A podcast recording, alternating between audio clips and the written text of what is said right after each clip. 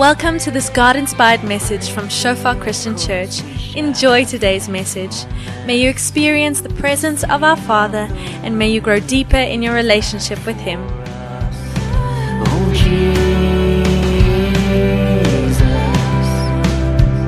your love over So uh, hierdie preekreeks het eintlik 3 jaar terug begin. Ek en Brown het 'n dag gesit en gesels oor verse wat uit die Bybel uitkom, wat ons goed ken, wat of buite konteks gedeel word of net gedeel word met heeltemal verkeerde interpretasie en omdat partykeer ons nie die vers goed genoeg ken nie, dan glo ons daai interpretasie. En dan begin hy stadig maar seker skade maak. Daai tyd het Brown gesê ons gaan hierdie preek reeks noem Redeeming the Verse. Daar was nog net Engelse preke gewees daai tyd. En hy toe nie gebeur toe nie en toe so in die middel van verlede jaar toe begin ons weer oor gesels en besluit, okay, kom ons doen hom, maar kom ons doen hom stadig. Een stukkie verlede jaar in November, een stukkie nou, 3 maande van nou af begin ons by die volgende een kom. So dis hoe hierdie preekreeks begin het en dit is dit is die rigting waarna hy gaan. En so elke nou en dan soos Marie gesê het, gaan ons net so 'n stukkie kyk, waar's daar 'n valse stukkie ammunisie wat vir ons gegee word, wat ons kan afbreek en moet afbreek sodat ons die waarheid kan glo. So die reeks se naam is die waarheid sal jou vrymaak en dit weet ons, ons almal weet dit. Die vraag is baie keer maar wat is die waarheid? Wat is hierdie waarheid wat ons gaan vrymaak en waarvan gaan ons dit vrymaak? So hoe dit lyk op hierdie stadium Ek kon nie myself help nie. Ek moes dit so 'n bietjie afbreek net dat almal kan kan bywees met presies wat ons gedoen het, wat ons nou doen en waarheen ons gaan. So verlede keer het ons gepraat oor die vers jy mag nie oordeel nie. Dit is 'n stuk wat kom uit Matteus 7 vers 1 uit. Iemand gebruik dit vinnig as 'n stuk ammunisie. Ons het gesê een ou sê die regte ding. Ek het die voorbeeld gebruik van 'n meisie in Sekunda wat tot bekering gekom het in 'n rowwe vriendegroep en sy sê vir die die die leier van die vriendegroep eendag toe hy vir haar sê kom ons gaan kuier en drink weer saam sê sy vir hom nee ek gaan nie want my liggaam is 'n tempel en jy moet ook nie God het ons geroep vir meer as dit en in 'n groot vriendegroep is daar awkward silence en sy reply is die Bybel sê jy mag nie oordeel nie wie is jy om my te oordeel en alles draai op haar staan dit in die in die Bybel dit doen definitief Matteus 7 vers 1 is die waarheid dat daai in konteks gebruik was glad nie. Glad nie, glad nie. En toe het ons die teenprentjie kom invul met Matteus 7 vers 3 tot 5 Matteus 18. En dit sal vir ewig en altyd die waarheid wees wat daai valse lering, daai valse amnestie op sy plek omsit. En vandag doen ons presies dieselfde. Ons kyk vandag na 'n stuk in Openbaring, Openbaring 3. Openbaring 3 vers 20 spesifiek. Waar daar ook 'n lering is, hier waar Jesus aan ons harte kom klop vir redding. Mense gebruik dan hierdie vers bietjie buite konteks, wat dan vals waarhede bring En ons gaan daai weer op sy plek sit. Ons gaan daai vers gaan redeem. Ons gaan die regte waarheid in daai vers kry deur nou die hele Openbaring 3 en ook 'n stukkie in Johannes 3 te kyk. So net so vir interessantheid, wie kan hierdie onthou van laas keer? Chuck. Wie kan vir Chuck onthou? Die Chuck voorbeeld. So iemand wat dit kan, dankie tog, een hand. As jy kan, het ek vir jou goeie nuus. Ons gaan presies op hierdie trant aan. As jy nie kan, het ek ook vir jou goeie nuus. Jy hoef nie laas hier te gewees het om enigstens te weet wat ons vandag gaan doen. Dit volg glad nie mekaar nie. Mag gou vinnig vir jou 'n stukkie chak inkleer. So dink gou aan die onverantwoordelikste persoon wat jy ken. Dan moet nou 'n naam in jou kop opkom en dit gewoonlik is dit redelik vinnig. Wie is die onverantwoordelikste persoon wat jy ken? Deel gou met die persoon langs jou. Behalwe as dit hy is. As jy die persoon langs jou die onverantwoordelikste persoon is, moenie. Ons gaan nie vandag met 'n fens deel nie. Deel dan met die vreemdeling aan die ander kant. Ons sê vinnig vir jou langs jou. Wie is die onverantwoordelikste wat jy ken? So daai ou in die middel wen daai ou. Guaranteed. Hands down. Chuck is bietjie meer onverantwoordelik. Dit is hoekom Chuck twee bodyguards gekry het. Die twee mense aan sy weerkant, weerskante, Sarah en Casey wat hom moet oppas. En 9 seisoene opgesom in in 9 sekondes is basies hulle stuur vir Chuck reg oor die wêreld om hulle te help met 'n paar goeters en hierdie twee pas hom op. Dis die FBI en die CIA, hulle pas hom op. Hulle maak seker hy gaan nie dood nie want Chuck kan nie eers 'n pea shooter hanteer nie, never mind 'n geweer. En eendag sê Chuck nee, jy's hierdie storie raak te gevaarlik. Of jy gee my 'n geweer of ek gaan nie meer saam nie. Nou dink gou aan daai ou se naam wat jy nou genoem het.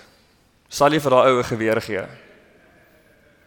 Hoe ver wil jy 'n geweer van daai af weghou?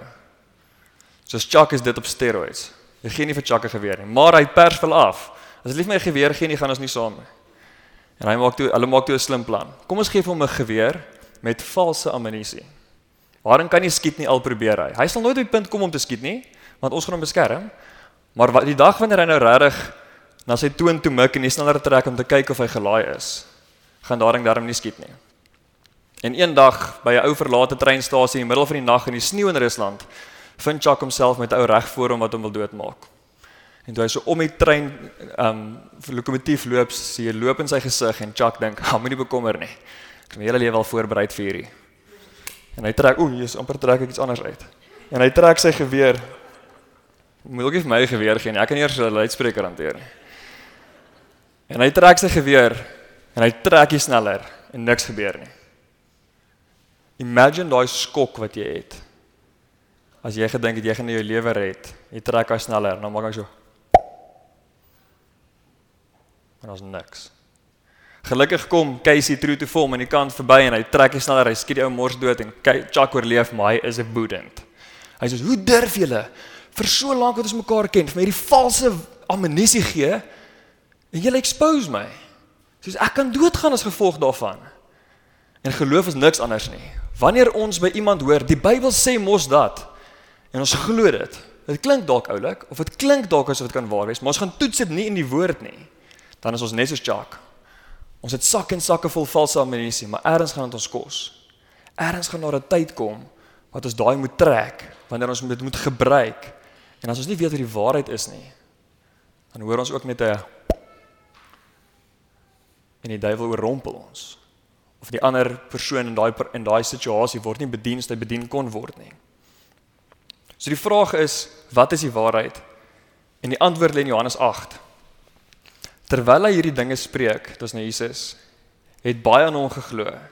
En Jesus sê vir die Jode wat in hom geglo het: As julle in my woord bly, is julle waarlik my disippels en julle sal die waarheid ken en die waarheid sal julle vrymaak. So daar's 'n belangrike stukkie aan die einde en die waarheid sal julle vrymaak. Maar vry waarvan? Dit is dis 'n dis 'n goeie vraag. Vry waarvan en wat is hierdie waarheid? So kom ons gaan gou een vers terug. Dit sê as julle in my woord bly, is julle waarlik my disippels en die waarheid sal julle vrymaak. So wat hierdie vir ons sê is, dis goed om in gemeenskap te beweeg en dis goed om te bid, maar God se woord is wat die waarheid bring. Non-negotiable. Die oomblik wanneer ons nie begin glo wat in die Bybel staan nie of allerlei interpretasies van die By Bybel is nie heeltemal waar nie, maar jy kan dit glo. Die Bybel het mooi stories wat ons iets leer. Die oomblik as jy op daai dwaalspoor kom, dan sê hierdie vers vir ons aan. Ja, ons is besig om te mis. As jy in my woord bly, die Bybel, dit is die ding. Die Bybel is die waarheid. Dan en das dit. Dis die enigste ding. Dan sal ek julle vrymaak. En daai vry is die vry wat Chuck nodig gehad het om te beleef. Vryheid van valse leringe, van valse amnestie. Slegs die woord, slegs die Bybel kan ons help teen valse leringe, teen valse amnestie. Dit maak dat jou geweer nie so lyk nie, maar so lyk. Jy sal mors doodskrik as jy daarso met 'n met 'n sponsgeweertjie sit en jy dink jy het waar amnestie, jy glo hierdie vers maak tog sin. En dit is hoe ons laas gepraat het van as iemand vir jou 'n waarheid uit die Bybel uitbring wat sê jy mag nie oordeel nie, want dit staan daar in soveel woorde en ons glo dit buite konteks, dan het ons 'n gesponsgeweertjie wat geen waarde dra nie en die duiwel is so bly. Maar wanneer ons dit gaan afbreek en die interpretasie daarvan korrek verstaan, dit binne konteks lees en verder verder gaan van daar af met daardie in konteks waarheid, dan raak hierdie waarheid 'n groot stuk amnestie vir ons. So vir oggend doen ons presies dieselfde in 'n stuk in Openbaring. Openbaring 3 sê vers 20 Kyk, ek staan by die deur en klop. As jy my stem herken en die deur oopmaak, sal ek na jou toe ingaan en ons sal die feesete saam geniet. Dis 'n mooi vers. Dis ook 'n vers wat my nie besonder skrik maak nie. Dis ook 'n vers wat ek glo en wil glo dat hy's redelik mooi binne konteks geskryf. Dis kan nie 'n alarmpie sien afgaan of 'n probleem daar sien nie. Maar indien ons in 'n posisie is wat ons deception raak sien, is ons nie meer deceived nie. Jy kan nie voorge jy jy kan nie alleen glo en weet jy doen nie. Want dan op die dan besef jy onmiddellik o, ek doen en dan kan jy daar teentree. So al maak dit vir ons sin, moet ons nog steeds daarin gaan kyk en sê is ons dalk nie deceived deur die mooi bokant nie wat die wêreld vir ons verf op hierdie prentjie nie. So wat God regtig op my hart druk is om vir oggend die volgende uitnodiging te gee. Die konteks en die inhoud van Openbaring 3 vers 20 en die toepassing daarvan na die tyd is ewe belangrik. So hier's hier's my ooreenkoms, my belofte aan julle. Ek sal tot die beste van my vermoë deel die paadjie wat God met ons kerk wil stap wat Openbaring 3 vers 20 betref. Is dit regverdig vir my om te vra as God sê die die inhoud en die toepassing is ewe belangrik om dan te vra dat aan die einde van die diens bid ons elkeen deur hierdie vers vir die toepassing in ons eie lewens. Is dit regverdige versoek? Jesus, dit gaan 'n moeilike vraag wees aan die einde as mense nog nie nou nou nog eers antwoord nie. Is dit regverdige versoek? OK, great. So ons gaan net nou kom by die bid daardeur en die toepassing daarvan. As jy Openbaring 3 vers 20 gaan Google, is hierdie 'n prentjie wat oral opkom. Oral, oral, oral. Die eerste prentjie wat opkom. Jesus wat so by die deur staan. En as jy dan 'n bietjie gaan begin lees, dan is dit gewoonlik Jesus staan aan die buitekant van die deur, die ongelowiges sit in die binnekant, sê net maar 'n partytjie, dalk drink hulle, dalk is daar verkeerde goed, dalk stil en dobbel en Jesus staan hier so by die deur en hy sê En die internet is vrot van sulke goeie voorbeelde en die wêreld ook. Dis jy sien dit verskriklik baie, jy sien dit verskriklik maklik. Die vraag wat ons onsself vandag wil vra in Openbaring 3 is: Waar is dit waar Jesus klop en hoe klop hy? Die tweede een is: Hoekom moet ons hom inlaat en wat is die implikasie van God inlaat of Jesus inlaat? En die derde een: Hoe lyk hierdie proses gewoonlik in ons wêreld? Jesus staan en klop, mense is binne, besluit om oop te maak, besluit om nie oop te maak nie, éventueel maak oop, Jesus kom in, wat gebeur? So die belangrike ding vir ons is nie net om te sê ons sien 'n skrif wat sê Jesus staan en klop. Boom, vat dit, aanvaar dit, great, kom ons gaan aan vers 21 nie. Maar te sê prakties, hoe lyk dit wanneer hy klop en wat doen ons? Hoe reageer ons wanneer ons daai klop ervaar? So om 'n gedeelte van hierdie vrae te antwoord, het ek 'n span saamgebring vandag. Hierdie span is die span van taktiek. Wie ken die span van taktiek? Asseblief een een persoon wat ek dankie tog iemand wat taktiek gekyk het.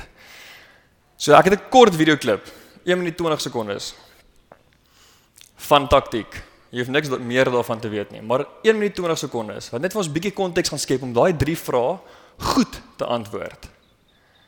Ons gaan 'n lekker bietjie deurgesels na die tyd. Ons kyk gou vinnig hierdie klip. So, kom ons recap net gevinnig. Ons begin die episode met Lisa. Lisa's getroud aan 'n ou genaamd Arend en wat wil Arend hê? Hy sê skei my asseblief rowwe onderwerp vir kerk, ek weet. Daar's 'n tweede ou wat genoem word. Hy's nie in die video nie, maar hulle noem hom. Sy naam is Goose. Wat wil Goose hê? Lisa trou met my asseblief. Wat wil Lisa hê? Sy sê, "Mamma, help my asseblief." Sy kort raad. En wat wil mamma hê? Karen. Mamma wil hê kry sy geld asseblief. Dit is haar enigste prioriteit. Kry net sy geld. Dis die prioriteit.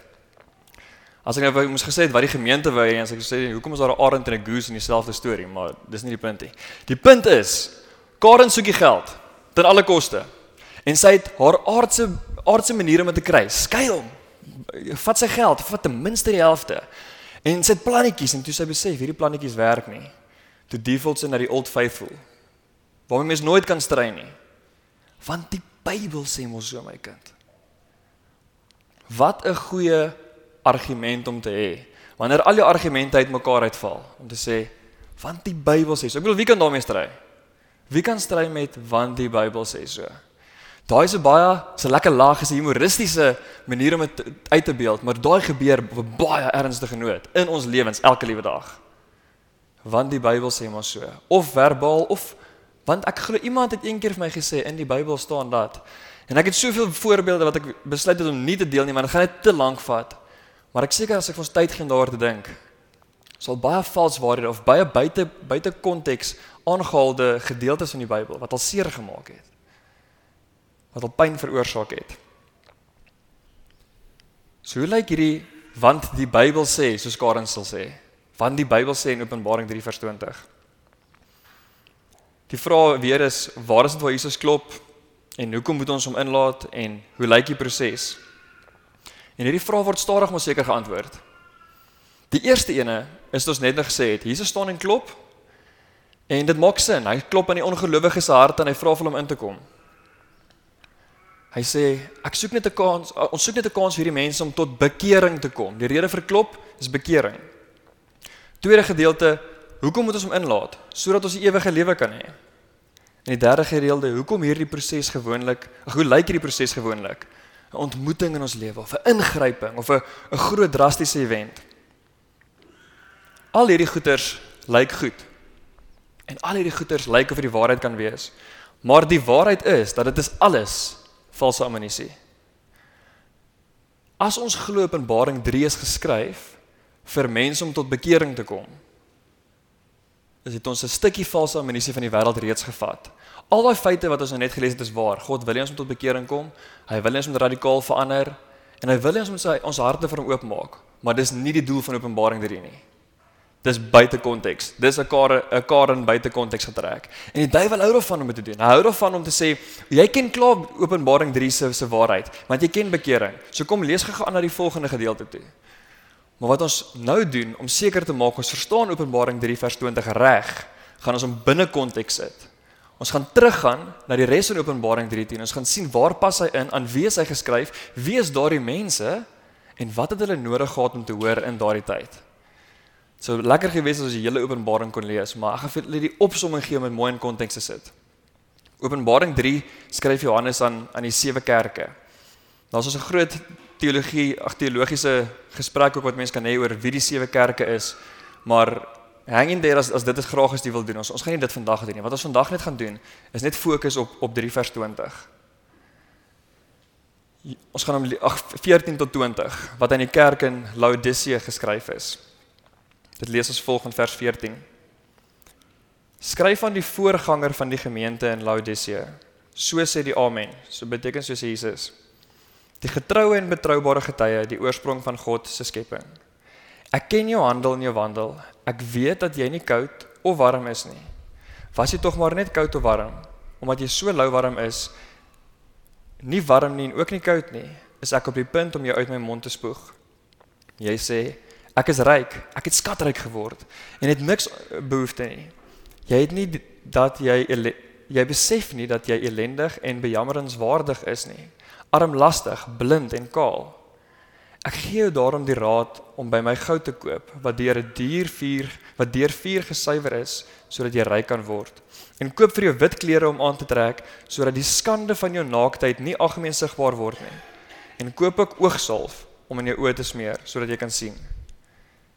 Op hierdie stadium staan ek nog by wat in die lewe het dit te doen met wat ons net nou gelees het in Openbaring 3 vers 20 wat Jesus wat Jesus aan die deur klop. Vers 19. Ek berispe en straf almal wat ek liefhet. Kry lewe en kom tot inkeer. Kyk, ek staan by die deur en ek klop. As jy my stem herken en die deur oopmaak, sal ek na jou toe ingaan en ons sal 'n fees ete saam geniet. Kyk, nou het ons daardie in in konteks. Die eerste en die belangrikste gedeelte om te verstaan is aan wie dit geskryf. Gemeente in Laodicea. Maar dit sê aan almal in die gemeente. Dis eers net die die voorganger Maar as jy die as jy in die Engelse weergawe gaan lees, as jy eens weer gaan lees, dan sê die leier en die ehm um, die ou mense, die leiers, die die ehm um, jong mense en almal in die gemeente. So dit is aan almal geskryf. So met ander woorde, hierdie is geskryf aan mense wat God ken. Nie aan believers nie. Hierdie is nie geskryf aan die ou wat Jesus kom en hy klop aan die deur van 'n klomp mense wat God nie ken nie sodat hulle hom kan oopmaak dat hy met hulle kan deel nie. Glad nie.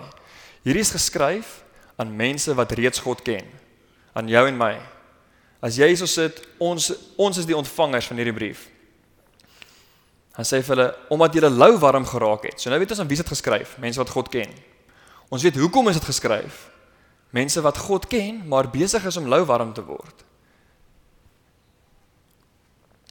Wat ons ook weet is God gee raad hierso. Hy sê kom kry goud by my iets wat ongelooflik waardevol is. Kom kry wit klere by my om jou skaamte te bedek. Daai skaamte verwys nou na jy het lou warm geword. Dis nie lekker om te hoor nie. Dis nie lekker om te besef jy word lou warm nie. Niemand van ons sal daarvan hou om te hoor nie. Kom kry iets by my om dit te bedek. En dan sê hy ook kom kry 'n oogsalf by my. 'n Oogsalf sodat jy beter kan sien wat die waarheid is. So die eerste ding wat ons nou al hierso leer, is ons 'n klomp goeie sprake. 'n Deur, 'n goud, 'n wit hemp en oogsalf. Niks van daai goed is fisiese bedoeling nie. So die klop aan die deur was nie in die Romeinse ryk 'n klop gewees by 'n fisiese deur om fisies in te gaan om die evangelie te verkondig nie. En dis nie fisiese oogsalf en fisiese goud en fisiese wit klere nie. Hierdie is waar Jesus sê ek kom klop aan harte sodat jy jou hart kan oopmaak vir my, dat ek vir iets waardevols in jou hart kan plaas. Dat ek jou hart wat al lou warm geword het en wat al swak en sleg geword het, kan beklee met wit reinklere en dat ek die oë van jou hart kan oopmaak om die waarheid te sien. So hierdie gemeente aan wie hy skryf, net om jou konteks te gee, was ongelooflik goed met wat hulle gedoen het. Hulle kom bou. Hulle was ryk. Hulle het baie resources gehad. Tot so 'n mate dat 60 na Christus was daar 'n groot aardbewing gewees wat hulle hele stad te mekaar geval het. En die Romeinse regering aangebied het om hulle te help om die stad te herbou want hulle was hulle is goed vir die ekonomie. En hulle gesê het ons het julle nie nodig nie, los ons uit, ons bou die plek self. En die Romeinse regering sê, maar ons sal ons sal die rou materiale voorsien. Julle kan self nog steeds bou dat dit lyk soos wat julle wil hê. En hulle sê ons het niemand nodig nie. Ons bou die plek self. En daai houding het oorgespoel in hierdie mense se geestelike wêreld in. Wat dinge so goed gegaan het. Wat dinge so begin floreer het, dat hulle begin voel het stadig maar seker, dalk het ons nie God nodig nie. Ons het hierdie. Ons is besig om lou warm te raak. Ons het nie nodig om nuwe waarhede te hoor, om weer in die Bybel te kom nie. Ons het hierdie. Dalk sit jy op 'n plek in jou lewe waar jy dalk voel, jy's ek het God nodig met hierdie en hierdie en hierdie. Werk gaan daarom goed. Daai moet ek sê het ek nog 'n groei die laaste ruk en ek's goed in. Of, "Jesus, ek het die Here nodig in hierdie en hierdie en hierdie." Gelukkig moet ek sê, my kinders is nou op 'n goeie plek. Soos dis daarom een ding waar ek nie nou bekommer nie. Of Yes, my kinders is moeilik, my werk is moeilik, maar my gesondheid is daarom iets wat ek nog nooit issues mee gehad het nie. Dit is die eerste stap in die voetspore van daai gemeente wat begin voel het. Ons het God nie nodig in sekere aspekte nie. Ons het God nie nodig hierso of daarso nie. Maar die woord, die waarheid wat hulle dan kry is, God kom klop, Jesus kom klop aan die harte van gelowiges wat hom reeds ken, wat reeds reeds 'n verhouding met hom met hom het, wat reeds in die kerk sit soos ek en jy. En hy kom sê, daar's areas in jou lewe wat nie aan my oorgegee is nie. Dis hoekom ek klop. Dit is hoekom ek klop. Daai area wat jy dink jy onder beheer het. Jy het hom onder beheer omdat ek daar is. Jy kan nie eers die eenvoudigste gedeelte van jou lewe, van my lewe doen sonder Jesus nie. En wanneer ons begin glo dat ons in 'n gemaksone in ons huwelik, in ons werk, ons plek in die kerk, in ons finansies of in enigiets is, is dit die gevaartekens wat aangaan wat Openbaring 3 vir ons leer en sê moenie vir een oomblik glo dat ek daai kan laat gaan nie, want dit is presies wat hierdie gemeente geglo het. En God sê, ek klop aan jou deur. Kom luister. Net om dit verder te bevestig, Hoor gou die laaste woord van van vers 19. Ek berispe en straf almal wat ek liefhet. Kry lewe en kom tot inkeer. Nou Petrus skryf in een van sy briewe skryf hy en sê hy bring julle self of bring julle word tot bekering gebring en kom tot inkeer. So met ander woorde, daar's twee aparte goed. Kom tot bekering en kom tot inkeer. Dis twee aparte goed. Jy moet tot bekering kom jy hart vir Jesus gee.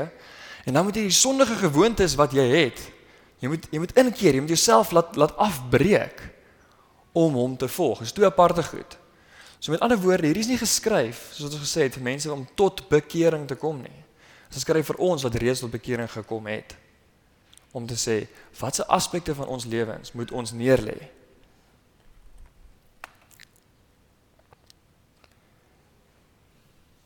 Dit gaan nie oor die fisiese goed nie. Dit gaan nie oor die deur of die goud of die klere nie. Dit gaan oor die kondisie van ons hart. En hier is my versoek vir oggend om 'n uitdaging te gee wat sê is daar 'n aspek en wat is daai aspek in jou lewe? Wat as jy baie mooi moet gaan dink, jy dink God klop aan my hart vir hierdie aspek. Ek het reeds my hart vir hom gegee. Maar hy klop nou. Daar's iets wat ek weghou. Daar's baie voorbeelde. Here, dankie dat U my so seën ek kan nie regtig sien hoe ek in hierdie begroting 10% vir u kan gee nie. Ek gaan net my finansies eenkant hou. Here, dankie vir hierdie verhouding wat u vir my gee, maar ek kan nie hierdie voorhuwelikse saamslaap laat gaan nie. Of dalk sexual immorality in 'n huwelik. Jy sal weet as dit jy is. Of dalk is daar 'n aspek van jou lewe by die by die werk of in besigheid wat jy voel, maar dis hoe ons geld maak. Ek is in die kerk, Ek dien God, ek is in selgroep. Maar hy moet verstaan, dis 'n besigheid werk. Tough guy, nice guys finish last. En daai gedeelte kan ek net nie aan God oorgee nie. Of dalk my liggaam of dalk my gesondheid. Nou Here, ek weet hierdie is nie goed vir my nie, maar dit help my cope. Ek wou dit lankal laat gaan het, maar u weet, sonder daai pilletjie weet jy hoe ek is. Jy weet hoe ek word daarsonder. So 'n klomp verskillende voorbeelde. Wat God sê, ek klop in jou hart. Jy as gelowige bekeerde man of vrou. Jesus staan voor jou en hy klop nie in die ongelowiges se hart in Openbaring 3 nie. Hy klop aan my en jou harte.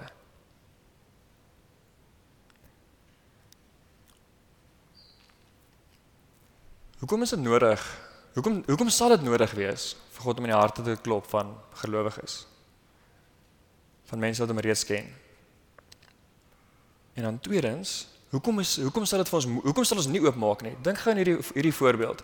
Daar's iemand wat sê ek gaan jou hele lewe vir jou kom vernuwe, reinig, beter maak. Wat by jou deur staan en jy sê bly net daai klink nice, maar bly net daar. Hoekom in die lewe sal ons dit doen? En die antwoord is in Johannes 3. Bekende vers. God het die mensdom so lief gehad dat hy sy enigste seun gegee het sodat elkeen wat aan hom glo nie verlore mag gaan nie, maar die ewige lewe sal hê. Amen. Great, love it. Daarna.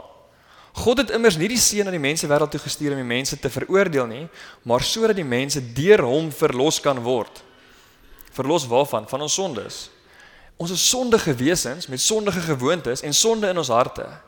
En die rede hoekom dit moeilik is om vir ons die om ons harte se deure oop te maak wanneer ons reeds in God glo, is omdat dit bring dit is dit kan nie anders as om verandering te bring in ons harte nie. Wanneer ek God gaan inlaat in my hart, sal daar verandering kom. Daar sal. Wanneer ek God inlaat in my verhouding, my besigheid, my finansies, my werk, my kinders, my huwelik, elkeen van die aspekte gaan daar verandering kom en partykeer hou ons net nie van daai verandering nie.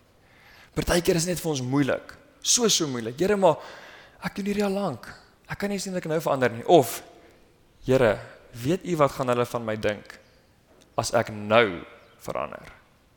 Of Here, dis te laat. Jy check hierdie verhouding met my kinders. No way back. Daar gaan verandering kom en dit is bitterlik, bitterlik moeilik. Baie keer. En dit is hoekom ons die Skepper die grootte God wat aan ons deur kom klop, die een so met wie ons wil en moet tydsmadeer met alles in ons sê yes by hierdie deur hou net verby. Want ja ek kan nie sien hoe ek u wil inlaat daar nie want dit gaan seer verandering bring. Dis die enigste rede die enigste enigste rede hoekom ons God nie sal inlaat nie is omdat ons bang is vir die verandering. En dis regtig oukei okay. ek is ook bang vir wat God al baie keer as ek terugdink kan ek dink hoe bang ek moes gewees het wat God al baie keer in my hart kom doen het. En wetend wat se sondes daar in my en in ons almal se harte is Is dit goed om bang te wees vir verandering? Maar weet, hierdie verandering skuif ons na 'n beter plek toe, guaranteed, sonder twyfel. Sonder sonder twyfel. So hier is my versoek vanoggend. As God sê die inhoud van Openbaring 3 is belangrik, wat ons nou weet is hy klop nie aan ongelowiges harte in Openbaring 3 nie, hy klop aan my en jou harte. Hy wil inkom en hy wil verandering bring. En dit is net so belangrik soos die toepassing daarvan. Is hierso die toepassingsvraag volgens. Ek wil nou om die volgende te doen. Om jou oë toe te maak en vir God te vra, Here, in watter aspek van my lewe klop U aan my hart vir verandering? Wat dit nie is nie is waar gaan U vir my verandering bring? 'n Uitkoms, 'n uitweg. Dis 'n vraag Waar klop jy aan my hart vir verandering in my hart? Ek gaan 5 minute gee vir om daai vraag te vra en daardeur te bid. En dit regtig te value. Regtig regtig te value. Ek gaan so kort stukkie gepraat oor die reaksie wat God van ons ver, verwag in hierdie situasie. Kom ons vat 5 minute en dan vra ons vir God, Here, in watter aspek klop U aan my hart vir verandering? Daar's drie moontlike reaksies wat wat harte nou teenoor God het. Die eerste een is ek erken hierdie klop in daai aspek van my lewe. Here, ek maak die deur oop. As dit jy is, as daar 'n aspek van jou lewe nou op jou hart is, wil ek jou uitnooi om regtig te bid. Sit hier so en bid saam met iemand vir daai aspek van jou lewe wat jy weet God nou aankom klop het. As jy nie seker is of hy kom klop het of nie. As daar nou 'n onderwerp in jou kop opgekom het terwyl jy gebid het, is dit is dit. God wil met daai aspek van jou lewe met jou kom praat. Die tweede reaksie wat daar kon wees is ek stem saam en ek glo hierdie, maar gaan net nie nou aksie neem nie. Dit is die Karen reaksie. Want later kan ek dit dan draai tot waar dit my pas. As jy nou dalk hierso gesit het en gevoel het, "Sjoe, ek stem saam, dit is waar." Ek gaan nie nou hieroor bid nie.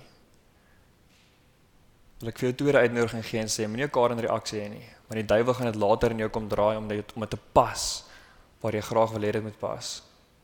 En eerder die tyd vat en te sê, Here, hierdie wat U nou op my hart gedruk het, value ek, ek acknowledge dit en ek gaan daardeur bid. Daar's 'n derde reaksie ook. Die reaksie van die Laodicea kerk. Ek het nou baie hard gedink, maar kon nie iets kry nie. Ek dink jy daar's iets in my lewe waar God nou aanklop nie. En as dit jy is, wil ek vir jou met baie liefde in my hart sê, ek ek ek sou bekommerd wees wanneer ek dit kry. Want God sê en of ons het iets of ons is Jesus. Dis die enigste twee opsies. Of ek het 'n plek om heen te groei of ek is perfek. So maak nie saak in watse een van hierdie 3 jy nou mag sit nie. Dalk het jy weet jy reeds wat dit is. Dalk het jy nog nie baie aandag daaraan gegee nie of dalk soos die kerk in Laodicea voel jy eers maar ek het dit op hierdie stadium. Vir al drie van daai vra God vir ons. Soos dat die bande opkom en en vir ons weer lei in in in worship. Die kerk, die God vra vir ons aan al drie van daai sit en kom uit by my want daai aspek van jou lewe wat ek nou op jou hart gedruk het, is vir my, vir God, so belangrik dat ek jou daar kom ontmoet het vanoggend. Terwyl hier vir ons 'n uh, omgewing skep waar ons lekker kan bid, wil ek nooi vir 'n laaste minuut net vir Here te sê, Here, dankie vir wat U vir my kom wys het en wys my om te verander. En as jy voel Dis iets wat jy regtig aan aan wil werk en wil recommit en iemand saam met jou langs jou intrek, wil ek jou regtig nooi om dit te deel en saam met iemand te bid. Saam met iemand te bid wetend dat God het in Openbaring 3 gesê kom klop in die harte van gelowiges. Omdat daar aspekte is wat hy nie wil uitlos nie. Wat hy wil kom rein maak, wat hy wil kom waarde byvoeg en wat hy wil kom self aansit dat ons hom kan sien. Kom ons vat 2 minute en daarna is jy welkom om rustig agter te beweeg en 'n koffietjie saam te gaan geniet. Maar bid lekker saam met die persoon langs jou. Bid en praat lekker met God oor 'n aspek wat hy nou op jou hart gebring het.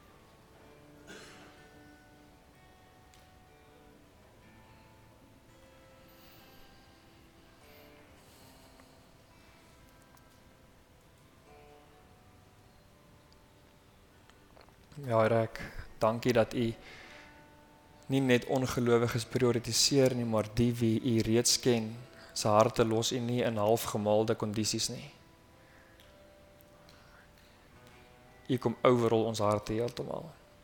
Dankie vir die verskillende onderwerpe wat u vandag kom uitlig het in harte. Dankie vir die verskillende areas van groei wat u bring.